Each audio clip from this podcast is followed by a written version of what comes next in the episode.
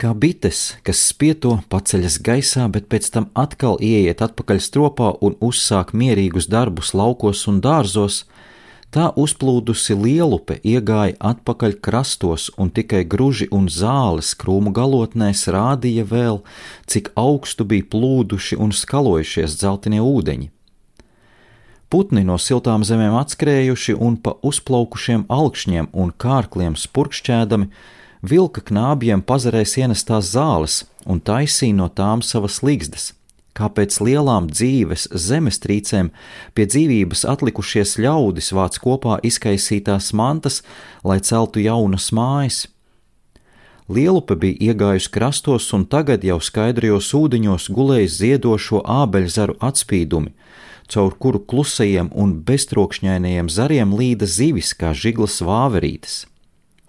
Arī mākoņiem patikās upes skaidrais dziļums, un dažu reizi stundām ilgi kāds zemu slīdošs padebesis, piesūcies zemes dūmāju, gāja līdz upes straumei pa līkumu līkumiem, pats sevi vērodams Brīžiem tas apstājās pie ūdenī dusoša, brūna ķieģeļnīcas skursteņa atspīduma, pagozējās un tad atkal devās tālāk.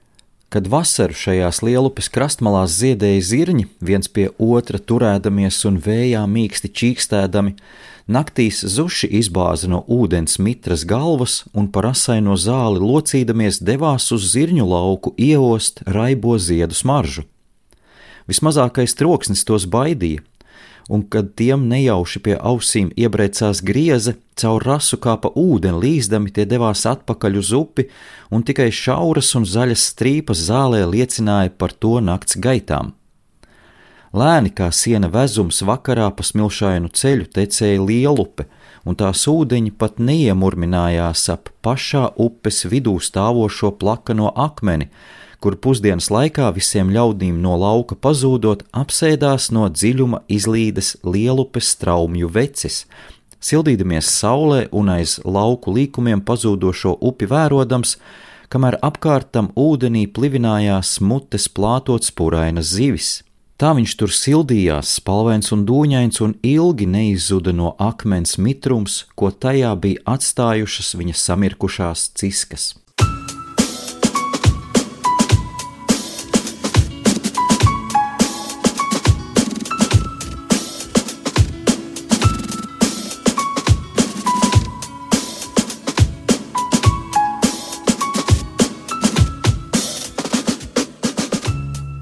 Šis ir podkāsts Restarts, mani sauc Alans Putniņš, un šīs būs sarunas par motorsportu.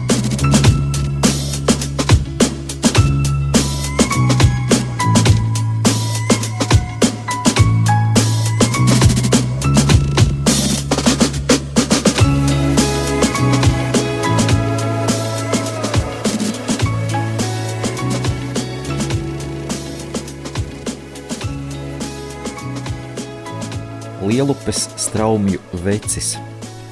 Vai esat tādu redzējuši? Kārtīgi reiz nedaudz palasīju no straumēniem Edvarda Virzas daļdarba, kas noteikti ir pazīstams daudz Latvijas skolēniem. Vismaz agrāk bija pilnīgi noteikti, varbūt ne ar tām labākajām atmiņām. Daudz jau par šo runāja. Katrā ziņā tiem, kas uh, tikai tagad ir iepazinuši podkāstu restarts un iepriekš nav to dzirdējuši vai pievērsuši uzmanību, tad jā, pēdējos nu jau kādus, nezinu, cik podkāstus, cik pa brīdim palas straumēns, nevis ik pa brīdim, bet tieši uz pašu sākumu podkāstam, tā kā nebrīnieties, tam nav absolūti nekāda sakara ar autosportu vai vēl jau vairāk ar Formuli 1. Tā kā nemeklējiet kaut kā dziļāku sakaru tam visam, Kāpēc es to daru? Pirmkārt, tāpēc, ka latviskā dzīves ziņa, manuprāt, ir jāpopularizē. Mēs pārāk tālu no tās aizējām, bet es nu pat iedomājos, ka man arī tīri tāds sautīgs iemesls tai visā ir, jo, lai ierunātu podkāstu vai lai sagatavotos komentēšanai, nu, protams, var arī neko nekādā veidā nesagatavoties, bet man tomēr patīk to darīt, jo neuzskatu sevi par tādu profesionālu, kurš ir gatavs tā vienkārši uzsist knipi un, un būt gatavs runāt ļoti labā artikulētā valodā, tad ir vajadzīgi kaut kādi sagatavošanās uh, vingrinājumi, mutes vingrinājumi, mēles vingrinājumi, un kas gan ir labāks par ļoti sarežģītu latviešu tekstu ar tādiem sarežģītiem gariem vārdiem, kur daudz mūsu mīkstinājumu, burtu, š, č, ļ, ņ, visi kopā salikti, dažādi vārdi. Līdz ar to ir šajā īsajā 2-3 minūšu lasījumā jāsakoncentrējās gan uz tekstu, ko tu lasi, lai pietiekami izprastu, ko tu lasi pirmkārt, un lai pareizi izlasītu, un otrkārt, protams, arī tiek ievingrināta mēli, mēlis muskulatūra, mutes muskulatūra, lai tā nav stīva. Lai cik tas dīvaini varbūt nešķistu, bet tas ir tieši tāpat kā jebkuru citu muskulu, un, protams, futbolists neiet laukumā, pirms viņš neiesilda kājas muskuļus, rokas muskuļus, gurnus, gūžus tā tālāk. Nu, tieši tas pats ir patiesībā arī ar muti un mēles muskuļiem ir speciāli vingrinājumi, ko var darīt. Runas eksperti tādus, tādus ir. Cenšas mums arī iemācīt tie kas, tie, kas grib kaut ko mācīties, bet var arī šādā veidā ņemt un palasīt eh, straumēns. Tā kā esmu izvēlējies šo variantu, un pie reizes varbūt arī kādam, eh, kādam veicinu eh, kaut ko latvisku, iepazīt vairāk un palasīt kaut vai tos pašus straumēns vai kādu citu daļdarbu. Un kamēr nu vien nebūs man pašam apnicis lasīt straumēnus, un kamēr nebūs milzīga pretestība no klausītājiem, ka nu jau gan pietiek to Eduardu virzu popularizēt, tad tikmēr arī.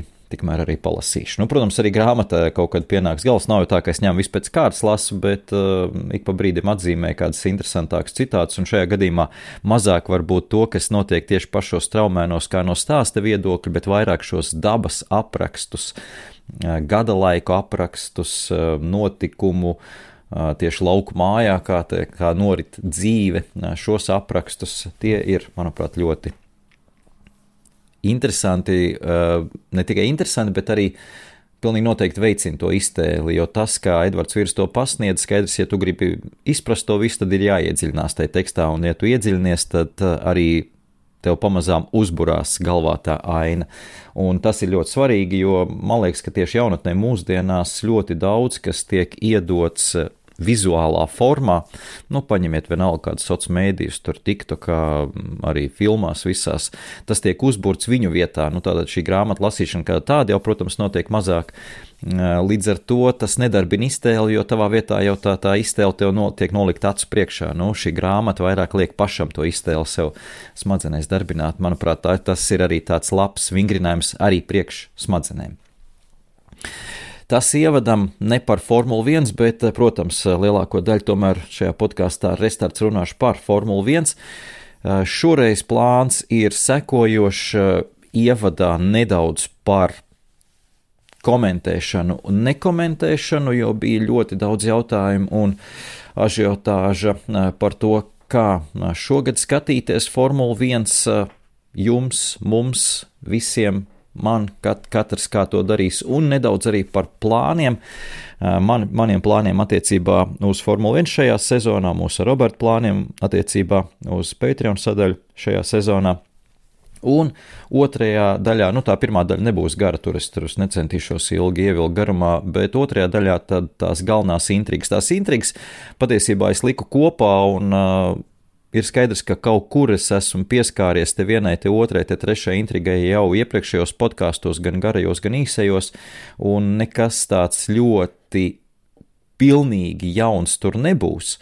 Uh, bet skaidrs, ka tā pirmkārt tā situācija mums nedaudz mainās un uh, izmainās ar katru nākamo jaunumu, un otrkārt, tuvojoties sezonas sākumam, manuprāt, vismaz priekš manis arī ir ļoti svarīgi salikt pa punktiņiem. Uh, uz ko tad šajā sezonā es skatīšos, kas mani interesē, kādas jautājumas es gribu, lai atbildētu šī sezona. Līdz ar to to es iedošu arī jums, bet ko es labprāt gribētu arī no jums dzirdēt, redzēt komentāros, kur nu sanāk iespēja to darīt, vai tepat Patreon lapā. Vai YouTube kanālā. Tātad atceramies, ka šis podkāsts sākotnēji ir Patreon pirmās pāris dienas pieejams tikai ekskluzīvi, un pēc tam arī parādās YouTube publiskai pieeja. Visi pārējie īsie šie podkāsti, kas ir tātad šie analīzes podkāsti par kaut kādām ziņām, kā bija mums par Luisu Hamiltonu. Pa visām prezentācijām izgājām cauri, tad tie parādās tikai Patreon lapā, tātad ekskluzīvi tikai priekš atbalstītājiem. Bet tā tad sākam par šo komentēšanas situāciju. Kā jau es rakstīju arī Twitterī, tad šogad Formula 1 es nekomentēju. Formula 1 pārceļas uz GO3, un manuprāt, tās ir labas ziņas. Tās ir ļoti labas ziņas, jo pirmkārt tā Formula 1 tāda paliek Latvijā. Man kā cilvēkam, kas strādā Formula 1 autosporta biznesā, un jo īpaši Formula 1 eh, biznesā, tad ir ļoti svarīgi, lai tajā manā tirgū, kas ir Latvija, eh, būtu pieejams TV translācijas. Eh, nu, tās nebūs bez maksas, uz to mēs nevaram cerēt, vairs tā nekad nebūs, un tas ir tikai normāli. Bet tiem cilvēkiem, kas ir gatavi samaksāt šīs translācijas ir pieejamas latviešu valodā. Tas ir svarīgi un tas tiek saglabāts, un tas ir, tas ir šajā gadījumā tiešām šī visa darījuma ar Vieplay un GO3 pats svarīgākais iznākums. Tur, protams, nāk klāt arī citi sporta veidi, Premier League un, un Champions League, un tas ir viss šajā jaunajā GO3 Sport ekstra kanālā, kā viņš tur precīzi sauksies, bet apmēram tā, katrā ziņā ekstra ir tas, tas, eh, tas laikam tas vārds, kas tiek pielikts klāt, lai, lai saprastu, ka tas nav parastais sporta kanāls, bet vēl ekstra tam visam, un, un arī cena, protams, ir pietiekami sulīga, 12,99, ja nemaldos bija tas cipars, bet, kā jūs teicat, neaizmirstiet, ka tie ir eh, tomēr absolūti top klases, nekas lielāks Eiropā un patiesībā arī pasaulē pat no sporta viedokļa nav piedāvājumā. Nu, ja neskaitos Amerikas lielos sportus, kur varbūt mēs, mēs tajā biznesā neejam un, un uz to neskatāmies, tad, tad Premjerlīga, Čempionu līga, Formula 1 un, un vēl viss pārējais, kas tur nāk klāt ar NHL, tad uh, tas ir laikam tas lielākais piedāvājums, kas vispār var būt, apjomīgākais elites piedāvājums, ekstra piedāvājums, kāds vien var būt. Kā, protams, par to ir jāmaksā. Komentēs sacīks Formulā 1, man kolēģi jau iepriekš, kad es strādāju GO3 vai, vai TV3 vai, vai Viasat savulaik bija, viņš saucās šis kanāls Viasat Sport Baltika, tā kā tur tie nosaukumi ir mainījušies daudz un dikti. Komentēs Janš Janševits un Girds Timros, tā kā Tur nekādi pārsteigumi nav, un cilvēki, komentētāji, viņi ir ar milzīgu pieredzi. Tā kā šajā ziņā es domāju, ka nu, līdzutēji nebūs vilšies. Kāpēc es to tik, tik pārliecinoši un mierīgi stāstīju? Skaidrs, ka nu, es arī labprāt būtu komentējis, par to nav šaubu, taču nav gluži tā, ka es esmu palicis šoreiz pie sasīs silas, jo ļoti ilgi gaidīju šo mirkli, kad man būs iespēja braukt atpakaļ uz Formuli 1 posmiem klātienē, akreditēties eh, kā žurnālistam un eh, strādāt no turienes, jo tā ir tā lieta, ko es centos arī iepriekšējos divus gadus, kad es komentēju Viaplay kanālā, kaut kādā veidā izbīdīt cauri un sākotnēji pat likās, ka tas ir diezgan realistisks mērķis. Nu, pagājušā sezonā kļūst skaidrs, ka tā situācija nedaudz slīd uz leju. Līdz ar to arī ja tā iespēja braukt uz vietas nu, bija skaidrs diezgan ātri un apvienot to ar komentēšanu pazuda. Tagad man ir pilnīgi noteikti brīvākas rokas šajā situācijā, un es vismaz priekš sevis noteikti to saredzu kā iegūmu, ka nu, ir jāmainās, jāiet līdz laikam, nevar sēdēt arī tikai, tikai studijā un to vien darīt, kā komentēt. Skaidrs, ka tur arī nedaudz gribās teikt ierūsēšana notiek, jo nu, galu galā, ja tu nebrauc uz vietas, un neredzi to visu, kas notiek un kā tur tas notiek, un netiec pie absolūti pašiem pirmavotiem, tad pilnīgi skaidrs, ka tu vairāk sevi nevar saukt kā par uh, divānu ekspertu, kā jebkurš skatītājs. Nu, tad būsim godīgi, tā tas ir. Uh, līdz ar to tas priekš manis ir pietiekami liels iegūms. Skaidrs, ka tas maksā, un es to maksāju no saviem līdzekļiem, bet uh, šeit ir jāsaka arī. Liels paldies atbalstītājiem. Tāda Patreon lapā, kur mēs ar Robertu arī cītīgi strādājam šogad un strādāsim. Uh, tad Tie līdzekļi, kas nāk no turienes, tiks arī šādiem mērķiem izmantoti. Pirmkārt, lai iegādātu kaut kādu aparatūru papildus, kas mums ir nepieciešama, lai nodrošinātu šo tehnisko pusi šī, šāda veida podkāstiem. Mums būs ar Robertu iespējams arī kaut kas, viņš tagad strādā pie tā, pie koncepcijas izstrādes, arī kaut kāds kopīgais podkāsts. Tad ir doma sezonas gaitā, varbūt kaut kādu kopīgu watch party uztaisīt, kā tas tehniski izskatīsies apmēram. Mums ideja nedaudz gaisā virmo. Tad redzēsim, kā tas izdosies, un skaidrs, ka tur arī vajadzīga nepieciešama kaut kāda aparatūra. Nu, un, protams, arī šī braukšanas vietas, tas, es domāju, ka nevienam nav jāstāsta, izmaksā pietiekami dārgi. Tur to nosekt arī no Patreon nav īsti iespējams nekādā veidā, bet vismaz atbalsts, atbalsts ir. Jā, par Patreon jau sāku runāt, tad šajā ziņā mēs gadu esam nostrādājuši, un pirmās, pirmās kļūdas esam sapratuši. Tās pirmā kļūda, jau es iepriekš teicu, bija sadalīšana eh, divos līmeņos. Eh, pilnīgi skaidrs, ka Latvijā nav tā auditorija tik liela, tik apjomīga, lai būtu jādala divos līmeņos, un līdz ar to arī saturs jādara, jādala divos līmeņos. Esam pagājušās sezonas vidū nonākuši pie slēdziena, ka ir jāpāriet uz vienu universālu līmeni, un šobrīd tas process drīz arī tiks pabeigts. Vēl, vēl nu, pāris cilvēki palikuši ir šajā zemākajā līmenī, kur arī lēnām notiek pāriešana uz vienīgo līmeni, teiksim tā. Līdz ar to viss saturs ir visiem pieejams, arī ir pilnīgi noteikti neviens nejūtas apbižots. Un arī no mūsu puses ir eh, lielāka motivācija gatavot jebkuru saturu, jo skaidrs, ka to saņems pilnīgi visi. Visi atbalstītāji tas, tas apjoms, tā, tā auditorija krietni lielāka jebkuram saturam, ko mēs sagatavojam. Būs pietiekami daudz īsie podkāsti, pie tiem jau Patreon atbalstītāji pieradināti. Tātad tādi es centīšos viņus arī gatavot pietiekami operatīvi. Ja ir kādas ātrās operatīvās ziņas paziņojumi, tad šī reakcija pirmo podkāstu, un tie ir podkāsti no 15 līdz nu, pusstundai, apmēram nu, garākais bijis ap 40 minūtēm, kuras ievelku, bet nu, pārsvarā tomēr tā ir ātrā reakcija uz kaut kādu veidu notikumu. Ļoti iespējams, ka līdzīgi turpināsim arī sacīkšu nedēļas nogalē. Kā tas bija pagājušā gadā, kad pēc piekdienas treniņiem ir pirmā analīze par to, kā varētu izskatīties kvalifikācija un attiecīgi sacīks tālāk. Un tad jau skatīsimies, kā tas saturs tiek salikts kopā pārējā sacīkšu nedēļas nogales laikā, jo mums, protams, F1 LV podkāsts kopā ar Jāni Vanku saglabājas, tā kā tur nekāda pārklāšanās nebūtu, jo, nu, nav divreiz viens un tas pats jāstāst, pilnīgi skaidrs. Tā kā pēc posma analīze paliek, tad ir plānots pirms posma podkāsts, kas savukārt uh, ies citā kanālā, un par to es ļoti ceru tuvākajās dienās jums arī paziņot. Man pagaidām nav tiesības to, uh, to uh, vienpusēji publiskot. Bet būs tāds podkāsts pirms nedēļas nogales, kā, kā tāds priekšskats, un skaidrs, ka tur arī mēģināsim paeksperimentēt ar viesiem, tā tālāk, tā joprojām. Bet par to, kā jau minēju, nedaudz, nedaudz jāpaciešās vēl pāris dienas. Nu, un, kā jau teicu, tad jā, Watch Party ir tas viens no plāniem, ņemot vērā, ka man ir daudz vairāk laika. Arī sacīkšu laikā, tad es ne, neesmu gluži gatavs ļoti bieži šādā veidā upurēt sacīkšu skatīšanos, jo man būs iespēja atgriezties pie, pie tā formāta, ka es atlaižos divānā. Nu, varbūt ne tik ļoti, jo skaidrs, ka ir nedaudz vairāk jāpiestrādā un jāpaseko datiem līdz, lai vieglāk pēc tam sagatavoties ir pirmdienas podkāstam. Bet, nu, skaidrs, ka arī katru sacīkst, es negribēšu strādāt, teiksim tā, un uh, skatīties to kā watchpartī, bet noteikti kaut ko uh, paeksperimentēsim. Nu, un tad šie braucieni uz vietas pilnīgi noteikti ir skaidrs, ka lielākā daļa satura audio formātā ies uz Patreon sadaļu uh, no šiem braucieniem uz vietas rakstiskā formā, noteikti varētu kaut kas nonākt eh, avīzē vai kādā žurnālā, eh, bet es negribu pārkraut sevi milzīgi daudz ar darbiem eh, no, no posmiem. Klātienē agrāk šādas kļūdas es pieļāvu, un tad īsti, nu, es teiktu, ka tad arī nedaudz zūd kvalitāte. Ja mēģina paspēt visu, ir jākoncentrējas uz galvenām lietām, un tās jāizdara ļoti labi un kvalitatīvi. Un tad es domāju, ka galvenais, galvenais ir izdarīts.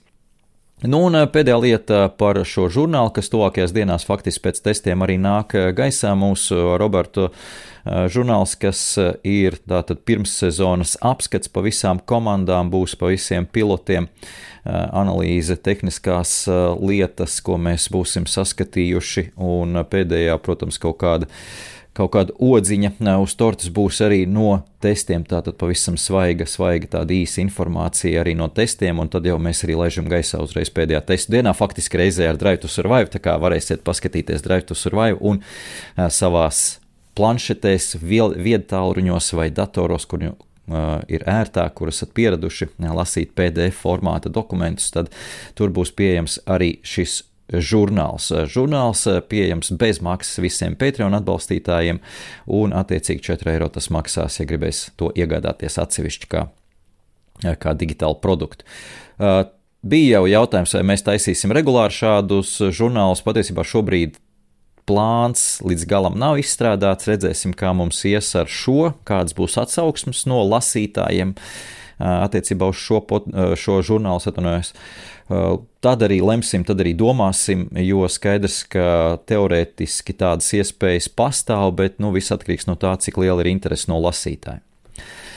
Tas īsumā pavisam īsi par šo šīs sezonas plānu, par mūsu plāniem, par maniem plāniem.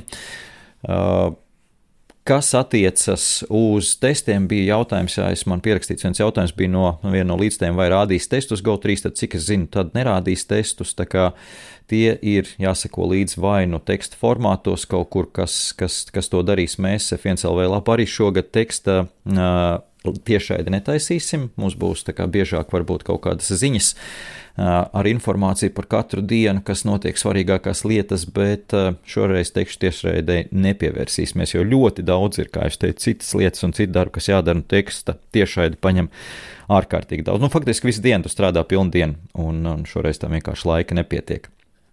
Kā nedaudz mainīsim formātu. Nu, un, protams, neaizmirstam ir arī F1 TV.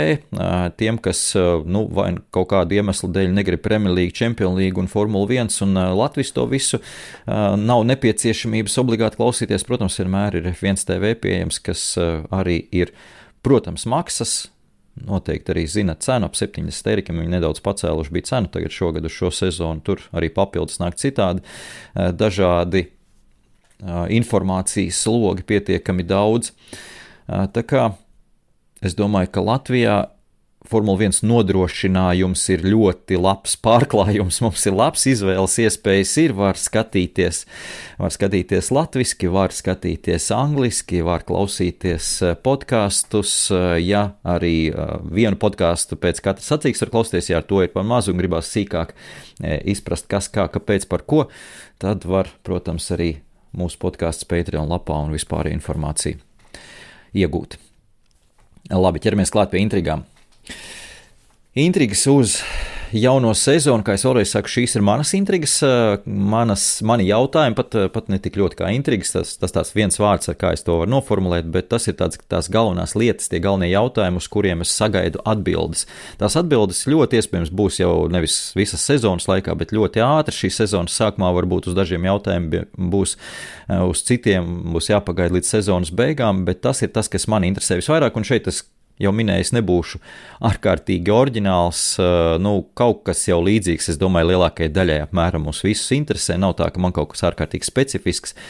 Uh, bet, ja nu jums ir kaut kas vēl papildus tam, ko es šeit neesmu minējis, un jūs skatāties un gaidat kaut ko vēl ārpus šī saraksta, kā jau teicu, droši rakstiet. Man būs interesanti palasīt, kas cilvēks interesē. Galvenā intriga, lai kā es to grozīt vai negrozīt, es sākšu tā nedaudz, tomēr man ir sakārtots pēc, pēc svarīguma. Nu, nav gluži pirmā, otrā, to grūti tā nošķirt, ir, bet nu, nedaudz tomēr pēc svarīguma es saliku. Un galvenā intriga, grozies kā gribi, ir Red Bull situācija un vai kāds spēs noķert Red Bull cīņā par šī gada čempionu titulu. Tas ir tas lielais jautājums, un ļoti lielā mērā mēs sev sezonas sākumā gūsim pirmo priekšstatu par to, kā tas notiks. Un vai tas notiks? Protams, cerības ir. Tās arī bija pagājušā sezonā. Tās mūs izbalēja diezgan ātri.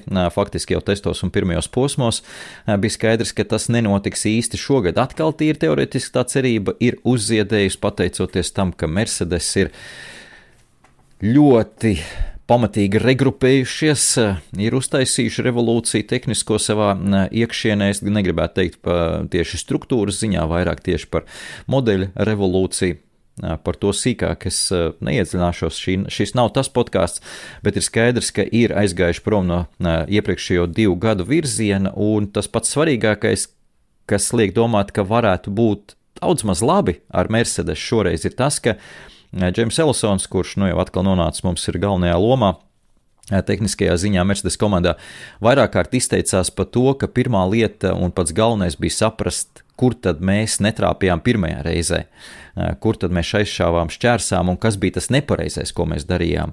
Un, ja tas ja tiek sakārtots, tad krietni loģiskāk tiek būvēta visa struktūra jau otrajā reizē, nepieļaujot tās pašas kļūdas.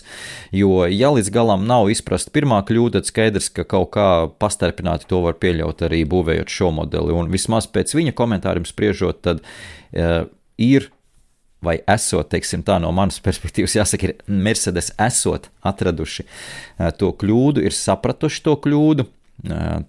Šobrīd ir strādājuši faktiski nepilnu gadu, tad ļoti ilgu laiku jau uz šo jauno šī gada modeli, vairāk kā 9 mēnešus kopā. Tātad pagājušā sezonas pašā sākumā tas viss process sākās, kad saprata, ka tomēr nestrādās tā pagājušā gada versija. Tāda, tāda nolemtība bija pagājušā gadā diezgan ātri jau komandai. Paralēli process notika arī sezonas laikā ar uzlabojumiem, kas nebija tik ļoti vērsts, kā jūs arī arī pagājušā gadā stāstīju uz to, lai viņi pagājušā gada modeli izlabotu vairāk uz to, lai notestētu, kā dažādi risinājumi strādā kaujas režīmā. Protams, pagājušā gada modelis daudz kur ierobežoja šādas iespējas, sākot ar transmisijas sistēmu, pārnesumu kārbu, kas uzreiz neļauj arī jebkāda veida balstiekārtas nopietnas fundamentālas izmaiņas izdarīt, kur eh, tas līdzi nes arī visu šo, šo balstiekārtas eh, darbību gan priekšā, gan aizmugurē, kas paliek tādi, kādi viņi ir pietiekami robusti un neatsaucīgi salīdzinot ar Red Bull, kas strādā diezgan eh, labi un plūdeni nodrošina to konstanto braukšanas augstumu.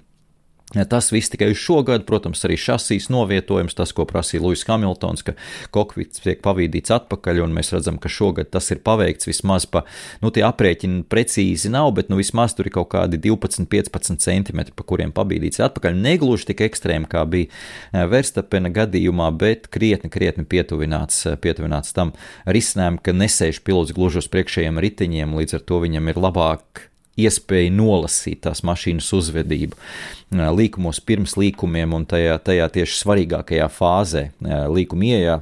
Faktiski līkuma ieeja sākās tā, tā svarīgākā fāze. Nu, un otrs, otrs sadaļa šajā, protams, Ferrari. Mēs no viņiem gaidām to lielo izrāvienu no Ferrari un no Mercedes.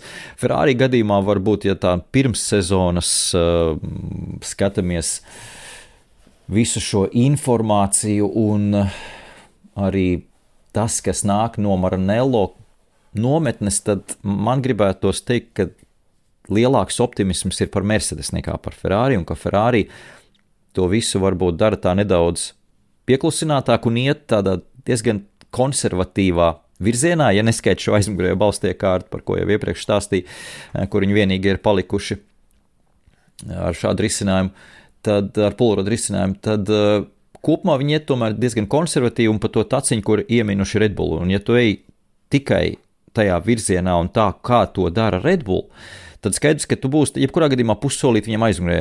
Red Bull ir tikuši tālāk, ir sapratuši, kur ir kaut kāda veida ierobežojumi tai visai sistēmām un sāk strādāt kā apietos, kamēr pārējās komandas nu, tagad, tagad tikai sāks tajās virzienā strādāt un tikai vēlāk sezonas laikā atradīs, kur tie ierobežojumi, kur tie griezti potenciālam, un tad tikai sāks tos uh, apkārt ceļus meklēt. Red Bull izskatās, ka jau tos ceļus, apkārt ceļus ir atraduši, vai precīzāk sakot, iepriekšējās sezonas laikā ir sapratuši, ka tur ir kaut kādi potenciāli griezti, un mēs paskatāmies, kā izskatās viņa modelis šogad. Tas nav evolucionārs, kā vispārējie sagaidīja.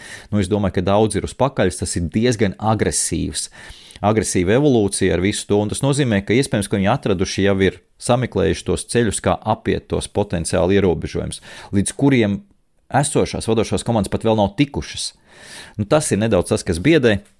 Apējot tā riņķi pa Mercedes un Ferrari un atgriežoties atpakaļ pie Red Bull, pie šī pirmā jautājuma, tātad vai kāds noķers Red Bull, tad jā, nu tie konkurenti izskatās ir sarosījušies, bet nekad jau nezinu, ko tad izdarīs galvenais konkurents Red Bull šajā gadījumā. Varbūt būs progresējuši Mercedes, varbūt būs progresējuši Ferrari. Protams, arī McLaren mums jāliek iekšā tajā pašā uh, kopējā kliķē vadošajā. Es ļoti ceru, ka visas sezonas garumā šogad McLaren iesaistīsies cīņā ar Mercedes un Ferrari kā minimums. Protams, mums jau tā lielā cerība ir par Red Bull, bet, bet nu, jānāk iekšā tajā lielajā, čet, jātais lielais četrnieks ir McLaren komandai. Arī uh, bet, kā jau teicu, nekad nevar zināt, cik liels solis uz priekšu būs Red Bull. Jo gribētos, nu, it kā tā nedaudz pie sevis ļaunu vēlēt Red Bull. nu, tā nevar teikt ļaunu, bet neveiksmi vēlēt uh, intrigas vārdā, lai viņiem varbūt uh, viņi sapinās meistarībā ar šo jauno risinājumu.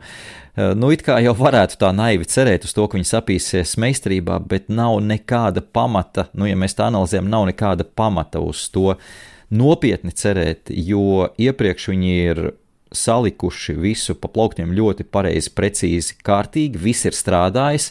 Korelācija starp uh, aerotuneli un trasi ir bijusi tuvu lieliska. Līdz ar to, ja viņiem tas pamats ir un viņi zina, kas strādā, kas nestrādā, tad jebkurš nākamais solis, kaut vai agresīvāks, vai jebkāds, uh, nu, viņš ir vienkārši kā turpinājums esošajam. Un Līdz ar to nav jau tā, ka viņi atkāpšies no esošās vai iepriekšējās eh, filozofijas. Vienkārši tie risinājumi ir nedaudz savādāk, kā panākt to pašu efektu. Un varbūt ir lielāka potenciāla vēl.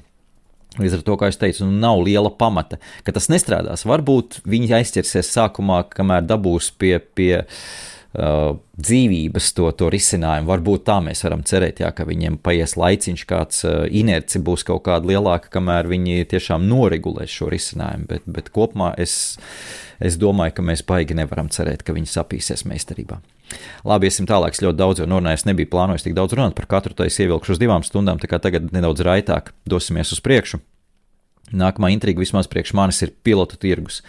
Pilnīgi un absolūti, ja mums ir jāmeklē intriga, kas aizstās cīņu par čempionu titulu šajā sezonā, ja tiešām tādas atkal nebūs, un atkal aizbrauks uh, Red Bull un attiecīgi Maks Verstapens prom no visiem pāriem, tad vismaz daļēji to varētu kompensēt pilotu tirgus. Pilotu tirgus jau solījās būt episks, un uh, Lūsis Hamiltona pārēja vēl pirms sezonas uh, sākuma pacēla šo episkuma līmeni vēl episkākos augstumos. Nu, vai pietiekami daudz vārds episks tika izmantots?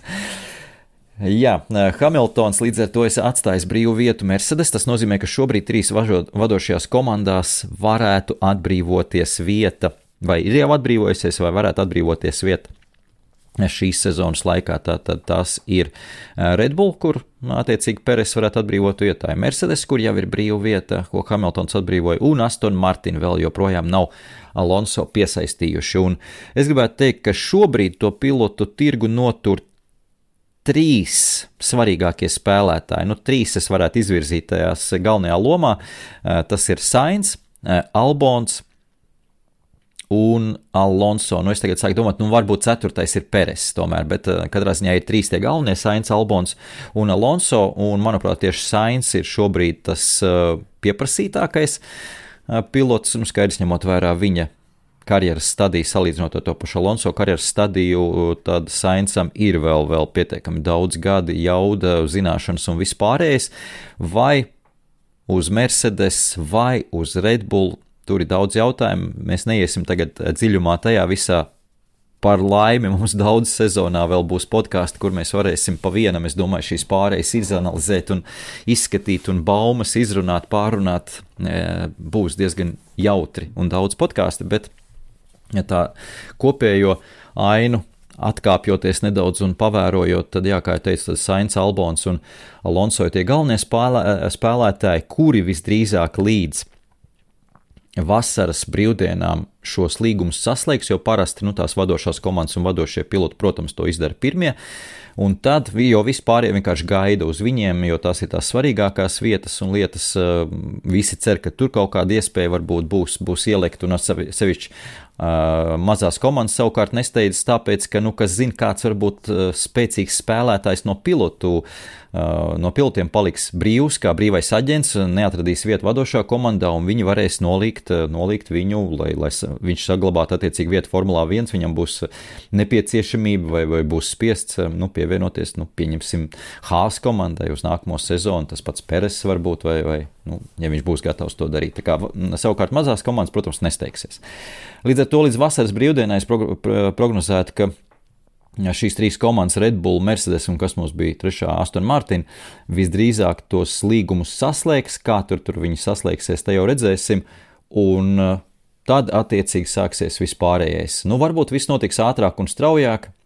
Jau pavasarī kaut kas risināsies, jau pirmie posmi būs pagājuši, Alonso būs paskatījies, kā iet Aston Martin.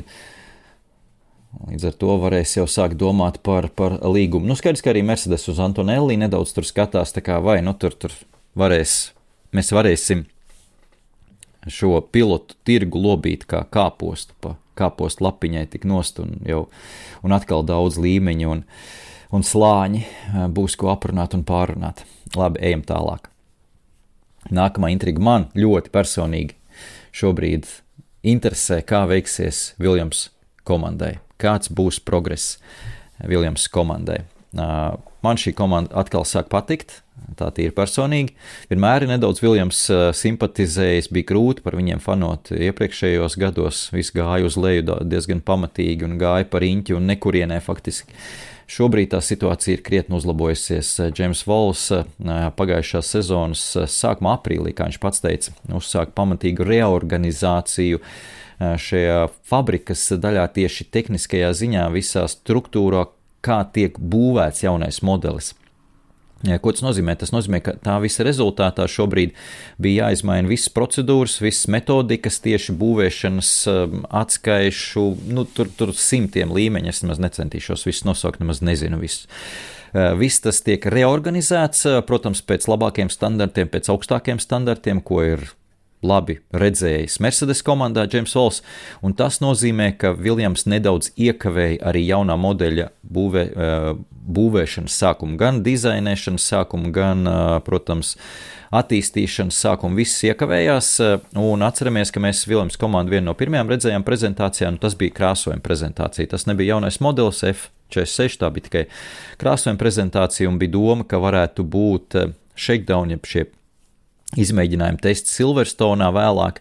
Katrā ziņā šajā prezentācijā pavīdēja tādas runas, bet arī no tā atteicās Viljams komanda. Tagad pēdējā informācija tā, ka rīt, nu es tad šodien ierakstu, šī ir pirmdiena, tiem, kas klausās Patreon, tad viņi klausās, šo podkāstu klausās pietiekami operatīvi, tie, kas, tiem, kas klausās YouTube vēlāk, tā tad ir acīm redzot jau notikušie shakedown testi Visdrīzāk tāda tieši pirms testu sākuma Viljams arī notestēs savu modeli, tad absolūti pēdējā brīdī. Eh, Pirmkārt, viena eh, vien lieta, kas no tā izriet, ir eh, nu, nevisai pozitīva, proti, ja ir kādas problēmas, tad tās izlabot būs grūti pirms testu sākuma, un tas var ietekmēt testu norisi.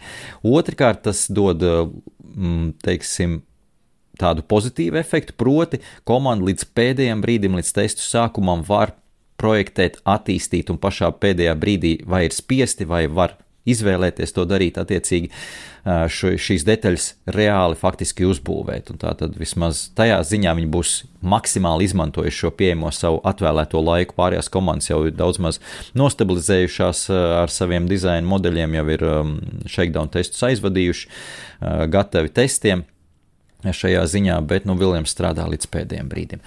Un skaidrs, protams, Albona situācija šajā komandā būs interesanta visu sezonas garumā. Un, manuprāt, kas, kas atbildēs uz šo jautājumu, vai ir progress, vai cik strauji progress, vai nav progress, manuprāt, nu, tas rezultāts priekš Viljams komandas jaunajā sezonā, ja viņi saglabā to pašu septīto vietu konstruēta kausā, kas bija pagājušā gadā, ja arī šogad viņi izcīnītu, es teiktu, ka tas ir labs sasniegums pie noteikuma, ka punktu izteiksmē viņi ir krietni, krietni tuvāk tam top sešniekam. Nu, grūti iedomāties, ka Alpīna varētu noķert, jo pagājušajā gadā tā punktu starpība Alpīna bija pāris simts. Um, Viljams bija cik 27 punkti. Nu, katrā ziņā tur tiešām gaismas gads ir starp abām komandām.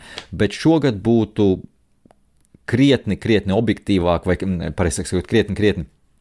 Es būtu krietni apmierinātāks, ja, ja Viljams komanda būtu ievērojami tuvāk Alpīnu un tālu no šīs noslēdzošās grupiņas. Bet, protams, tam ir nepieciešams, lai pieslēdzās arī otrais pilots Logans Sāržants punktu gūšanā. Tas ir viens no svarīgākajiem elementiem. Protams, tā fabrikas visa lieta, attīstīšana, viss, viss ir skaisti un labi, un tas ir jādara. Bet, ja tu visu to izdari un uztaisi labu produktu, un tev tikai viens pilots, kas nes punktus, tad skaidrs, ka tā tas vienādojums nestrādā. Nu, šogad ir cerības, ka Logans Sāržants spērs to solīt uz vietas, uz priekšu. Viņš pagājušajā gadā daudz sūdzējās par arī par fizisko nogurumu. Atceramies, ka viņš arī sezonas noslē, vienā no noslēdzošiem posmiem, šiem karstajiem posmiem, sacīkstiem. Pirmais bija, kas pagura kā viņš pats teica, tad viņš ir pārvērtējis to, ko prasa Formula 1 mašīna. Šogad tas sagatavošanās process, fiziskās sagatavošanās process, viņam ir krietni, krietni efektīvāks bijis un nopietnāks. Tālāk. Tālāk ir man ierakstīts Peres, Peresa pilota vieta. Nu, tā būs intriga, kas notiek ar Peres vietu. Skaidrs, ka Red Bull ir tā komanda, kas nebaidās arī sezonas vidū atlaist pilotu, vai nu gluži tā notiks ar Peresu. Es nezinu, bet tādu iespējamību izslēgt mēs nevaram, ja Peres līdzīgi kā pagājušā sezonā nebūs ne tuvu Verstapenam. Pagājušā gadā es redzēju statistiku, tagad negribu samaloties, bet top 4 vienu reizi kvalifikācijā pēdējos 16 posmos. Nu, katrā ziņā absurdi nožēlojama statistika attiecībā uz kvalifikāciju. Eh, Peresam arī par godu piedestāliem pēdējā pat uh, sezonas daļā diezgan bēdīgi rādītāji. Uh, tā kā tāds sniegums ne tu nestrādā tajā brīdī, ja tiešām tie Mercedes piloti, tie Ferrari piloti un tie McLaren piloti būs krietni, krietni tuvāk Verstapenam. Vai Red Bull būs apmierināta ar Peresa sniegumu šādu, ja Verstapens atkal būs jūdzes priekšā visiem pārējiem, un nebūs viņam nepieciešams tas otrais pilots, un Verstapens atkal vienatnē varēs izcīnīt konstrukausu, nu to es nezinu, tas, tas ir, to ir grūti spriest, bet, kā es teicu, ja pārējās komandas būs tuvāk, nu, Peresam tur nav variantu. Peres, no Peres viedokļa jau teicu, Prezentācija izskatījās, ka Peres ir apmierināts ar jaunās, jaunā modeļa attīstības virzienu. Tas, ko vismaz rāda simulators, ka šī formula krietni labāk strādā lēnajos līkumos, Peres par to bija sajūsmā, jo tas nozīmē, ka paplašinās šis regulējuma lokus, krietni platāks ir, plašāks, teiksim tā, ir formulē, un tas nozīmē, ka viņš var piestrādāt krietni efektīgāk pie mašīnas ātro līkumu balansa, ainiskā līdzsvara starp priekšu un aizmuguri jau riteņa asi. Tā bija tā viņa lielā problēma, un ja ar to viņš neizvēl kārā mašīnu no lēno līkuma balansa, kas, kas pagājušā gadā tieši tā arī notika, tik līdz tu velc uz vienu pusi, tā otra puse sabrūk. Bet, ja šogad tas lokus ir platāks un, un, un var strādāt ar ātriem līkumiem, lēno līkumu efektivitāti, tas nemaina vai neietekmē, nu tad Peresam tas būs iegūms pilnīgi noteikti, un viņš no tās mašīnas spēs izspiest vairāk ārā nekā viņš spēja pagājušā gadā. Jo ar Verstapenu, nu, kā jau teicu, ar Verstapenu tā, ka viņš spēja dabūt no mašīnas ārā, uz ko tā ir spējīga, pa jebkādiem apstākļiem. Jā, principā nu, ir, ir nianses, kas viņu ietekmē. Atceramies, sezonas sākumā var būt problēmas ar priekšējā saspagriežamību, atsaucību, bet tiklīdz tas tiek sakārtots, nu, grūti, grūti cīnīties ar Verstapenu. Verstapens kā komandas biedrs, nu, ir skaidrs, ka ir, nu, nāvis smaka. Pilnīgi noteikti nāvis ēnā. Latvijas būtu teikt, nāvis ēnā vēl viens la, latviešu klasiķa daļdarbs nāvis ēnā. Šobrīd pilnīgi noteikti tā tas izskatās, un nevienu mēs nevaram uh, Es domāju, ka jebkuram pilotam šobrīd būtu grūti kļūt par Verstapenu komandas biedru Red Bull komandā.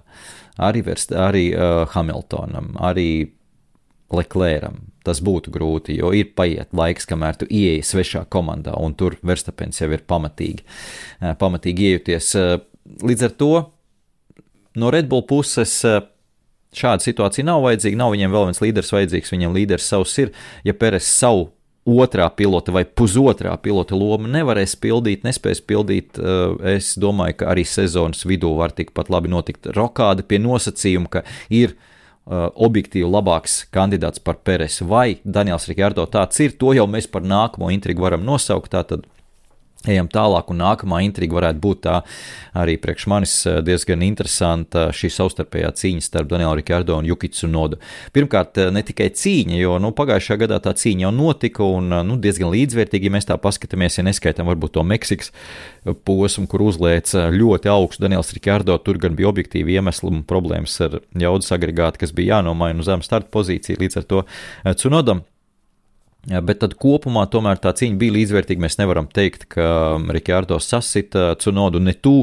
Drīzāk, nu, ja mēs tā tiešām sākam specifiskāk tos, tos, tos statistikas rādītājus analizēt, tad drīzāk nedaudz, nedaudz bija pārsvars Juki Cunodam. Un skaidrs, ka Danielam Rikārdo, lai kaut kādā veidā Red Bull komandas galvu sagrozītu, komandas vadības galvu sagrozītu sev par labu un uh, liktu spērt šo soli, varbūt tiešām sezonas vidū nomainīt Peresu, ja Peres nav pietiekami labs. Viņam ir jāsasīt tas Cunoda nu, diezgan lupatu lēveros šajā sezonā. Pretējā gadījumā nu, tur ir grūti attaisnot, kāpēc tāds solis būtu jāspēr. Ja, ja tiešām tur, tur iesabi diezgan līdzīgi un līdzvērtīgi, tad, nu, kāpēc nelikt Sonodu? Nu, no otras puses, ja abi tur tādi ir viduvēji, tad kāpēc likt gan vienu, gan otru? Tad īsti, nu, vai viņi būs labāk par Peresu? Tā, kā, tā, būs, tā būs interesanta, interesanta tēma un intriga sezonas laikā, kurai pasakot līdzi. Ejam tālāk. McLaren un Aston Martin, vai šīs divas komandas ir gatavas ielausties, nu tagad tas ir top 3 lielais, vai izveidot to par top 4 vai eh, top 5. Eh, šai lietai nedaudz jau pieskāros sākumā, es domāju, ka šeit McLaren arī ir tā otra komanda, kas man ārkārtīgi simpatizē arī ar savu virzienu, vadības stilu. McLaren komandai beidzot ir sakārtot uh, fabrika fonā gan no industriālā viedokļa, tehnoloģijām, instrumentiem, gan arī, protams, no struktūras, eh, tehniskā departamenta struktūras. Ir cilvēki savās vietās, ir jaunais aeromskais tunelis.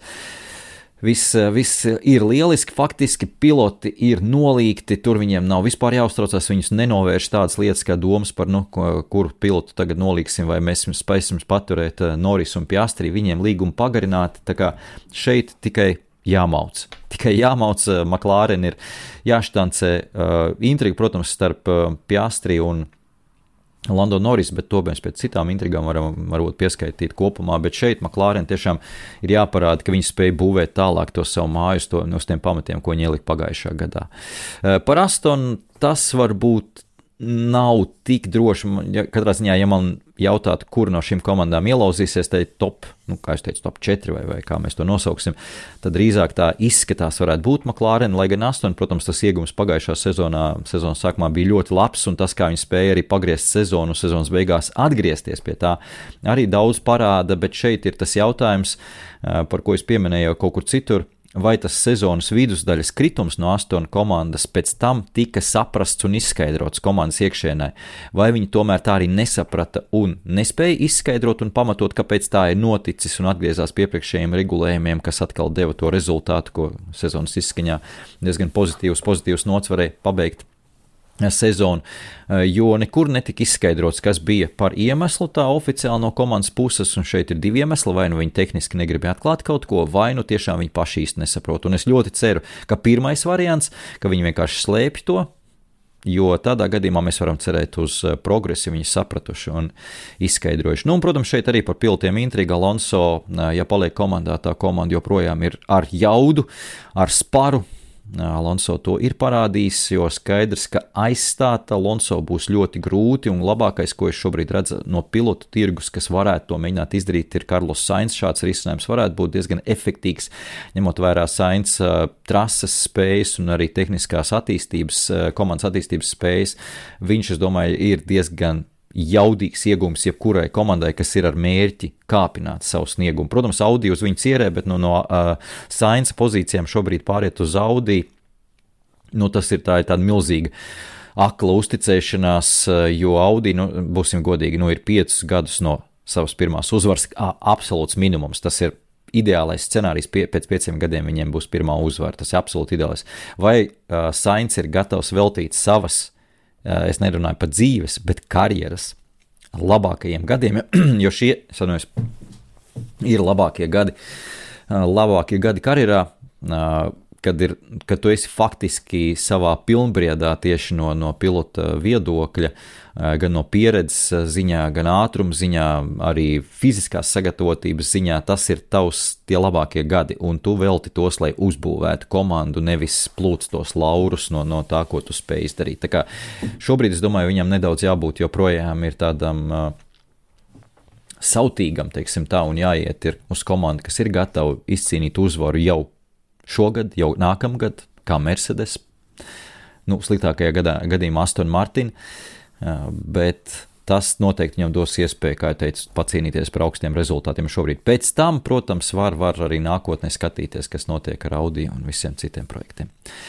Ejam tālāk. Komandas biedru dueļi, jā, šeit es jau pieķēros pie nedaudz pie, pie, pie Astri un Uh, Norisa un pirms tam arī par Cunodu un Rikārdo parunāju, bet no komandas biedra dueļa man bija vesels atsevišķs podkāsts arī par šo tur daudz izrunājos. Šī būs tā tēma, kas arī urdīs mūs visus visas sezonas garumā, jo vadošajās komandās tas komandas biedru duelis būs ārkārtīgi dīvains. Es domāju, ka nav daudz gadi, nav daudz sezonas, kad tik dīvaini tie, tie dueļu dinamika varētu būt. Proti, es runāju par Hamiltonu, Rasela un Leclerc un Sainza dueli. No vienas puses mēs skatāmies, nu skaidrs, ka šajās abās komandās viens pilots jau zina, ka viņš ies prom no šīs komandas. Līdz ar to tā tīri teorētiski, nu, kāda starpība? Es tāpat šajā komandā vairs nestartēju, kāpēc man tur vēl kaut ko pierādīt? No otras puses, Uh, Sainsam, jo īpaši ir svarīga sezona, lai tās savas akcijas noturētu visaugstākajā līmenī. Pret Šarlu Leclercu, nu, Leclercam varbūt tas, tas ieķēriens milzīgi kaut ko tagad pierādīt pret Sainsu nebūs tik liels, bet Sain, no, Sain, kā jau teicu, no Sainz puses noteikti vēl, jo vairāk ja viņam jāparāda ir uh, potenciāliem darba devējiem, kā Mercedes, uz ko viņš ir spējīgs pret Šarlu Leclercu, Šarlu Leclercu komandā, Ferrari komandā. Savukārt no Hamiltona un Russela savstarpējās cīņas. Es ļoti daudz esmu domājis par šo dueli šajā sezonā Mercedes komandā, un man nav līdz galam skaidrs, kāda būs tā dinamika. Tāpēc es to esmu ierakstījis arī pie šīm intrigām, ka tas man nav līdz galam skaidrs, cik Hamiltons tajā visā lietā ies dziļi iekšā, ko viņš darīs, ja tā mašīna būs pilnīgi konkurēt nespējīgi, cik ļoti viņš būs vīlies un, un, un vai viņš varbūt ir gatavs sezonas vidū pat aiziet. Un tāpat laikā, ko viņš darīs, ja tā mašīna ir gatava uzvarēt, un attiecīgi Ferrari, ja tur parādīs, ka viņi tur knapi pa ceturto uh, no komandu, komandu konstruktoru kausā pa ceturto vietu var pacīnīties, nu tas būs traki, tas katrā ziņā, ja no Hamiltona puses skatāmies, tad viņam visizdevīgāk būtu tāda situācija, ja ja nu ar Mercedes viņš pietiekami vēl varbūt izbauda šo pēdējo gadu, pacīnās par kādu piedestālu, varbūt arī uzvaru, bet sezonas otrajā daļā izjūt šo, šo savstarpējo cīņu ar Ferrari tā, ka Mercedes nedaudz pazūd varbūt konkurētspējas ziņā, savukārt Ferrari ar tādu līkni izteiktu stabilu uz augšu. Tas droši vien visvairāk iepriecinātu Luisu Hamiltonu, bet kā tas ietekmēs Rasela un Hamiltona savstarpējo cīņu, jo Raselam skaidrs, ka nu šobrīd viņam par Hamiltonu teorētiski vispār vairs nav jāuztraucās, viņam ir jāsāk veidot komandas līdera loma, vai jāsāk gatavoties, vai jāiekāp šajā lomā un jāpilda šī loma, bet nu Hamiltons nekur vēl nav aizgājis. Un nu, tas, kā jau teicu, nu, šeit ir tik daudz elementu, kā, kā uz to skatīties, tik daudz virzienu, kā uz to skatīties, un tas būs tik ļoti samocīts un samežģīts pasākums Mercedes komandā, un jebkuru vai nu Hamiltona neveiksmi vai Rasela. Rasela izstāšanos vai kaut kādas problēmas, nu, mēs varēsim visdažādākajos veidos skaidrot no psiholoģiskā viedokļa.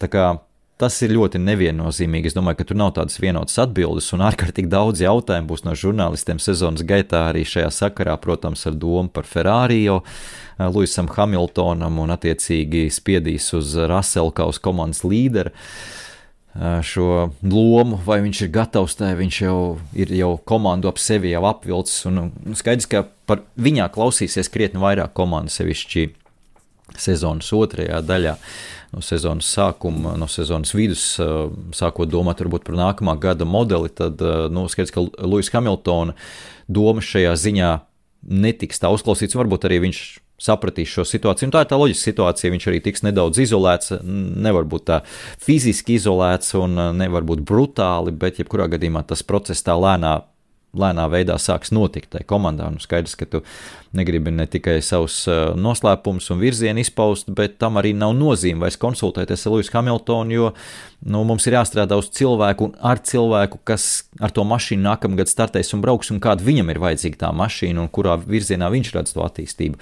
Un šeit būs tas pārbaudījums Džordžam Russellam ar uguni un ūdeni un metālu vispārējo. Uh, jo nu, viņam tā loma būs jāuzņemās, viņam tā atbildība būs jāuzņemās par saviem lēmumiem, par to virzienu, vispārējo, un tad ar to, ko viņš ir arī pieņēmis kādu lēmumu, to būs jāsadzīvo un tie rezultāti būs jārāda. Tā kā ļoti interesanta dinamika tajā ziņā. Uh, nu jā, par Norris un Piastri komandas biedru dueli jau minēju, par Cunodu jau, jau rakstīju, par Norris Piastris vēl var piebilst, ka šeit uh, arī aizraujoša, aizraujoša cīņa varētu būt, jo Piastri izkāps noteikti no, no debitanta kurpēm, kas viņam bija pagājušā gadā, un kurus, kur lomu viņš tur tā debitanta loma arī tā diezgan pacietīgi un pieticīgi ieņēma, uh, pašsaprotami, un uh, visu cieņu viņam par to, ka nesprāgāja un nelēkāja absolūti.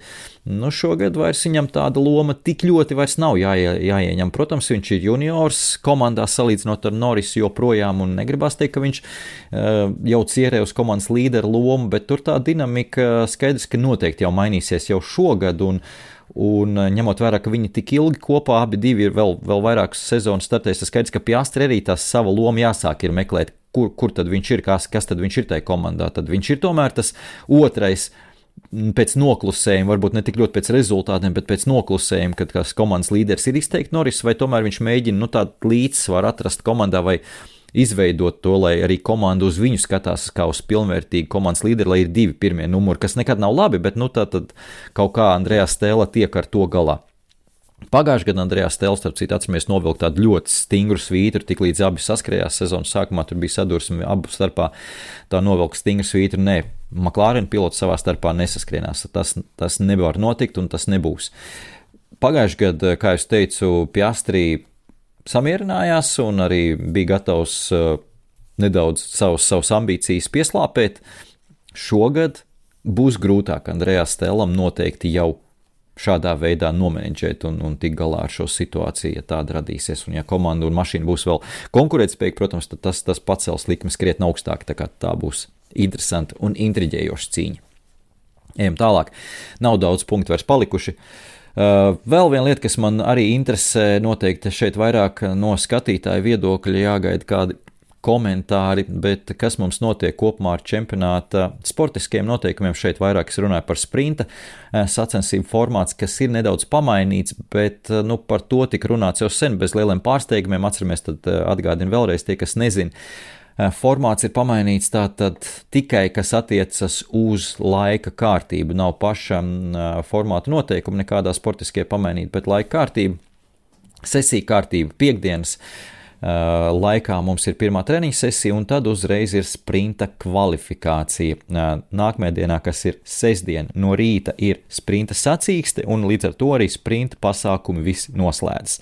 Un sestdiena pēcpusdienā, kā jau ierasts, daudzus, daudzus gadus, gadu desmitus ir kvalifikācija. Sestdienas pēcpusdienā kvalifikācija un svētdienas pēcpusdienā. Nu, protams, es pēcpusdienā saku pēc Eiropas laikiem, bet tad jau jāpielāgo. Attiecīgi svētdien ir sacīkste. Tā kā šeit tas viss ir skaisti un labi un loģiski, par to es arī minēju iepriekš, ka man nelikās loģiski iepriekš tas formāts ar to sprintnedēļas nogali. Turklāt ir parkfermē atvērts arī pirms lielās kvalifikācijas sestdienā, tā kā ja kaut kas notiek sprintā, ja fiziski kaut kas notiek, kādas problēmas, vai ja komanda saprot, kā tas atceramies bija Ostinā kaut vai, kad ir tā, tā, tas planks nodilums pa lielu un ir problēmas, tad komandai vēl ir iespēja to pamainīt pirms attiecīgi Grand Prix kvalifikācijas sestdienā pirms kvalifikācijas to ir iespējams pamainīt, pieregulēt kaut ko izējot no ar, uh, datiem, kas ir iegūti tātad sprinta kvalifikācijā un sprinta sacīkstē. Uh, Par sprintu ir dzirdēti arī nevisai glaimojoši komentāri no līdzstiem, kāpēc vispār tas ir vajadzīgs un tā tālāk. Uh, šeit uh, es laikam vairāk nostātos tajā pusē, kas saka, ka es labāk redzu kādas sprinta sacīkstes nekā ir visu sezonu tikai treniņi, jo Uh, nu, kā teica Mārtiņš Brāns, ja nemaldos, tas bija Mārtiņš Brāns, kurš teica, nu, parādiet man kaut vienu episku treniņu. Bet sprinta sacīkste, nu, pagājušajā gadā katra bija to episka, nu, ik pa brīdim ir lielisks. Protams, var, var trāpīties vanskari, un tur tiešām nekas nav, bet jebkurā gadījumā, jebkura sprinta nedēļas nogala būs nedaudz labāka par tradicionālu nedēļas nogalu, kur ir tikai, uh, tikai treniņi. Taču no otras puses, vai katru mums vajag? Es domāju, ka katru tomēr nevajag. Tas klasiskais formāts jāsaglabā, lai arī mēs kaut kādā veidā to sprintu kā īpašu lietu izceltu. Tajā ziņā es, es piekrītu, ka, kad varam arī tādas mierīgas un nesaspri, nesaspringtas sacīkšu nedēļas nogales atstāt, klasiskās nedēļas nogales, bet kopumā sprints ir ok, un tas vēl ir papildus mārketinga uh, bonus tātad šiem, šiem posmiem atsevišķiem, kas no Liberty puses ir kā labs instruments, kā iedot viņiem kaut kādu bonus, jo ir pilnīgi skaidrs, ka ir tam rezultāts, eh, faktiski ciparos ir saskatāms līdz pat 30% lielāka TV auditorija, tad kopējā uz nedēļas nogali ir tieši sprints sacīkstēs, jo tev jau piekdienā ir jau svarīgas lietas skatāms, un sestdienā, protams, un arī klātienes skatītāji ir to novērtējuši visās aptaujās ļoti, ļoti pozitīvi. Eh, vai vajadzēja kaut ko vēl agresīvāku? Tātad tur runa bija, atceramies par um, īpašām riepām, ka varētu būt sprinta riepas, kas ir mīkstākas, lai būtu jānomaina jau, jau arī mm, sprinta sacīks laikā riepas, vai varbūt starta, starta kārtības maiņu, tātad šīs starta pozīcijas apgrieztās. Uh, Es jau pagājušajā gadā daudz par šo runāju un izteicos, ka, manuprāt, ja vajadzēja mainīt, ja vajadzēja mainīt tā fundamentāli un ritīgi un tiešām sprintu pilnībā nocelt nost kā no rezultātu ietekmē un ziņā no pārējās Grand Prix, ja mēs mainām tā fundamentāli, uh, lai neietekmē to galveno Grand Prix, tīri teorētiski. Nu, uh, tas nav darīts. Nu, es neesmu pārliecināts, ka, ka tas kaut kādā veidā tā būtiski ietekmēs uh, kopējo līdzjutēji attieksmi pret Formuli 1 un ka kāds tāpēc neskatīsies Formuli 1, jo gal galā jau tikpat labi var tiešām tad piekdienā neslēgt to televizoru iekšā, ieslēgt uz sestdienas kvalifikāciju, noskatīties to un svētdienas sacīksti, un faktiski tev ir sava nedēļas nogale tāda, kādu tu gribi redzēt, klasiskā arī tev tiek piedāvāta un nodrošināta. Nu, šajā ziņā es domāju, ka nav liela problēma. Var izvairīties no tā visa. Bet priekš jauniem līdzjutējiem, cik, cik ir tās atsauksmes dzirdētas, tad kopumā tomēr sprints drīzāk pozitīvi nekā negatīvi. Labi, iesim tālāk, tuvojamies izskaņai. Faktiski pēdējās divas eh, intrigas no manas puses. Pirmā ir par Hāzi. Hāzes komanda ar Džinu Hāsu priekšgalā, kā izskatīsies pēc šīs sezonas. Tā lielā intriga no manas puses faktiski es gribētu nodefinēt to tā, ka divi varianti šeit ir. Vai nu šī komanda pēc šīs sezonas uh, nolem, tiks nolemta pārdot, Tātad arī Džins Hāss sapratīs, ka tāds modelis nestrādā un nav ko mocīties un labāk paņemt nu, kārtīgi algas dienu un uh, atgūt visu ar pamatīgu uzviju. Vai arī sapratīs, ka ir jāliek iekšā, tiešām, kā teica Ginters Steiners, jāliek iekšā papildus investīcijas tajā visā, lai tas projekts strādātu. Jo šis modelis, kā tas šobrīd darbojas, kā jau es minēju, arī iepriekš neizskatās dzīvotspējīgs, vēl jau vairāk tāpēc, ka visas pārējās komandas, kas ir riņķī, kas ir tiešie konkurenti, veic tās investīcijas, strādā uz to, lai pietuvotos tuvāk tam vadošajam galam. Un, ja Hāzs paliek vienīgie, kas to nedara, nu tad viņi neizbēgami izkritīs, tur nav varianti. Un tas turklāt, jo ilgāk nedarīs, jo ilgāk pēc tam tā inerce vilksies uz priekšu gadiem. Pat ja viņi šobrīd sāks to darīt, skaidrs, ka vēl inerce nāks no tiem pāris pēdējiem gadiem, kad nav darī, tās investīcijas ieviestas. Līdz ar to, jo ilgāk vēl garumā, jo sāpīgāk un garāks tas process būs pēc tam Džinam Hāsam. Un, ja viņš to sapratīs un apzināsies, kad varbūt viņam nepatīk Hāsi pēdējā vietā, un līdz ar to tas arī tā atdeva priekš Hāsa automotīvi nav tik liela vairs ar to pēdējo vietu, un ka tas ir apkaunojuši, kā viņš pats teica, tad varbūt ir vienkāršāk un izdevīgāk finansiālā ziņā pārdot un pārdot tam pašam Andretī, un mēs iegūtu tiešām komandu, eh, kas ir nopietni gatavi ieguldīties, ienākt čempionātā. Protams, labāk būtu 11 komandas. Šeit, šeit es arī lēnām sāku noslēgties uz to, un šeit pat visvairāk nevis tāpēc, ka man vajag eh, lielāku baru uz starta laukumu. Absolūti nevajag. Tas nav iemesls, kāpēc es gribu 11 komandas, jo eh, nu, starta laukumā komentējot šos divus gadus, sacīks, ir pilnīgi skaidrs, ka nu, mēs pievēršam uzmanību pirmajām desmit labi. Ja pēc tam, protams, atkārtojamies, mēs, skatāmies, kas tur tālāk aizmugurē notiek. Bet, nu, labi, ja desmit mēs varam apgūt tās pirmo to bariņu. Vēl divas. Tas mums neko absolūti neizteiks, mēs nepamanīsim to. Bet kur mēs pamanām, ir tas, ka mums nav vieta jaunajiem talantiem. Iedomājamies, ja mums būtu vēl tās divas eh, pilotu vietas un komandas piedāvātās divas pilotu vietas jauniem talantiem, Formule 2 čempioniem, Indīkārt čempioniem. Nu, tas, tas gan izdēļot, tas iedot vēl vienu, divas intrigas mums, ko runāt sezonas laikā, un tas intrigas mums pēdējā laikā ir vajadzīgas kā, kā ūdens Sahārā. Tā kā, tāpēc, tāpēc es teiktu, ka jā, 11. komanda ir vajadzīga. Nu, sliktākajā gadījumā Vai, vai, vai pat ne sliktākajā gadījumā, sliktākais gadījums, ja Hāzs turpina šādā stilā un neko neinvestē un tur pa, pamazām izkrīt no tā visa uh, peletona lēnām uz desmito pārliecinošu vietu, bet uh, nu, tas otrs variants, kā jūs teicat, pārdod un Andreti ienāk, ienāk un kaut kādu amerikāņu piesitienu mums iedod. Tas nenāktu par sliktu. Nu, un pēdējā lieta arī pavisam ātri stundu būs norunājis. Pēdējā lieta ir politiskās intrigas, politiskās spēles, kas notiek ar uh, Muhamedu Bensulājumu, FIA prezidentu un attiecīgi viņa cīņu pret Liberty un komandām. Tā ir arī sava veida intriga. Tā varbūt nav tāda patīkama un ļoti baudāma, bet tā ir vienmēr bijusi daļa no Formule 1 čempionāta un būs arī šogad. Skaidrs, ka tuvojas Konkordas līgums, tāpēc arī šeit Bensulājums ir sarosījies.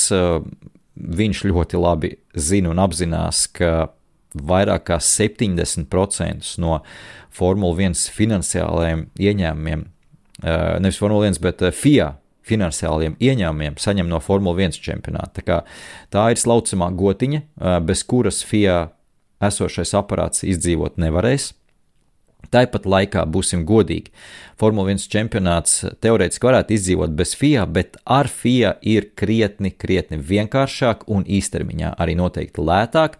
FIA savas funkcijas pilda visa drošības sistēmas, maršali, trases, homologācijas, viss, viss daudz, daudz lietas, kas bez kā iztikt nevarētu, kas viss būtu jāveido no jauna šajā ziņā. Tā kā, nu, viens bez otra īsti nevar, bet izskatās, ka Bins Lajams no savas puses nav gatavs sadzīvot ar, ar, ar esošiem noteikumiem. Viņš grib vairāk, kaut ko vairāk varu, vairāk naudu, Liberty to negrib dot. Un šoreiz tas, tas uh, spēka dinamika, savstarpējās spēka cīņas dinamika ir nedaudz citāda nekā daudzos iepriekšējos gados, jo komandas ir ļoti izteikti Liberty pusē. Kad ne, kad tā iepriekš nav bijis FIA pret visiem pārējiem. Atcerieties, ka FIA parasti bija kopā, uh, Eklstons ar uh, Maksu Mosliju, un tur viņi tur visādi uh, patēloja, ka plēšās savā starpā, tur, tur tad bija kopā, un faktiski nekas bez uh, Eklstona un Moslija kopējās kaut kāda plāna nenotika tajā laikā. Viņi, viņi pa abiem no dažādiem virzieniem to, to visu vezumu šķūrēja uz priekšu. Vilka stūma, viens vilka, viens stūma, un, un, un komandas nu, tur īsti neko pret viņiem padarīt nevarēja. Nu, vienā brīdī, atceramies, bija tas, ka gribēja komandas aiziet, un viss desmitajā brīdī, protams, ir spēks viennozīmīgi, bet arī to ļoti veiksmīgi politiski sadalīja šo spēku reizinātājos Benijs Eklstons. Tad šobrīd viss komandas ir eh, Liberty pusē, un tas uh, spēka pārspēks ir ļoti liels šajā ziņā Liberty pret FIA. Nu, skaidrs, ka FIA ir savi instrumenti, kā, kā cīnīties, bet nu, tas, veid, tas veids un tā forma, cik mēs esam redzējuši pēdējā gada laikā, ir diezgan dīvains un neadekvāts brīžiem ar dīvainiem lēmumiem, ar pēdējā brīža noteikumiem skarbiem par milzīgiem sodiem. Tad atceramies ar Andreti kā visa tā sāga sākās, jo tā faktiski tika iniciēta no FIA puses un no, no Binsulājiem puses, ka mēs tagad uzņemsim komandu, ko, ko Liberty vispār neatbalstīja un negribēja pabeigt šo procesu, iedeva zaļo gaismu Andretī, bet tālāk jau Liberty nedeva zaļo gaismu. Tā kā nu šeit ir skaidrs redzama, skaidrs redzama konflikts divu lielvaru starpā. Nu, protams, vēl atceramies sezonas noslēgumā, vēl bija šis Wolf skandāls, kur arī uh, FIA nu, diezgan ar ģīmi dubļos, teiksim tā. tā kā, Tur vēl jautrība būs priekšā, kā jau teicu, tā varbūt nav tā paša jautrākā intriga, tāpēc es viņu te nostūmu pašās beigās. Turklāt arī FIA diezgan daudz tādu labu cilvēku ir aizgājuši no vadošā uh, ešalona.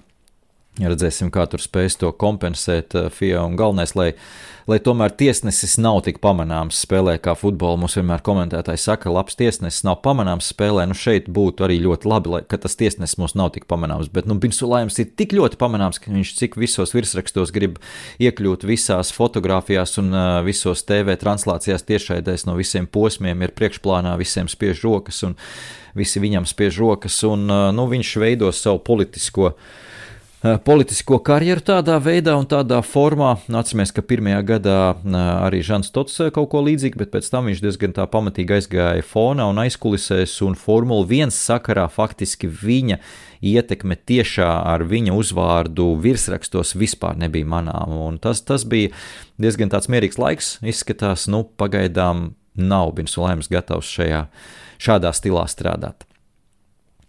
Labi, tas viss eh, arī šajā podkāstā.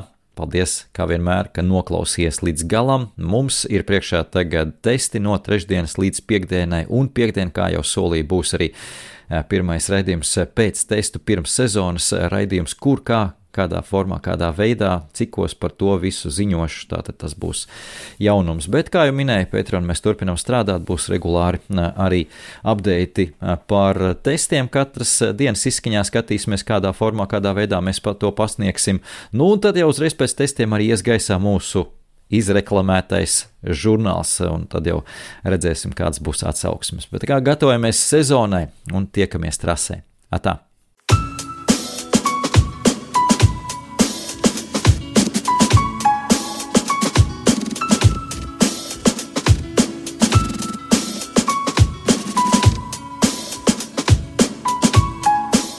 Mūzika no Perfect Muse, Lucky Number.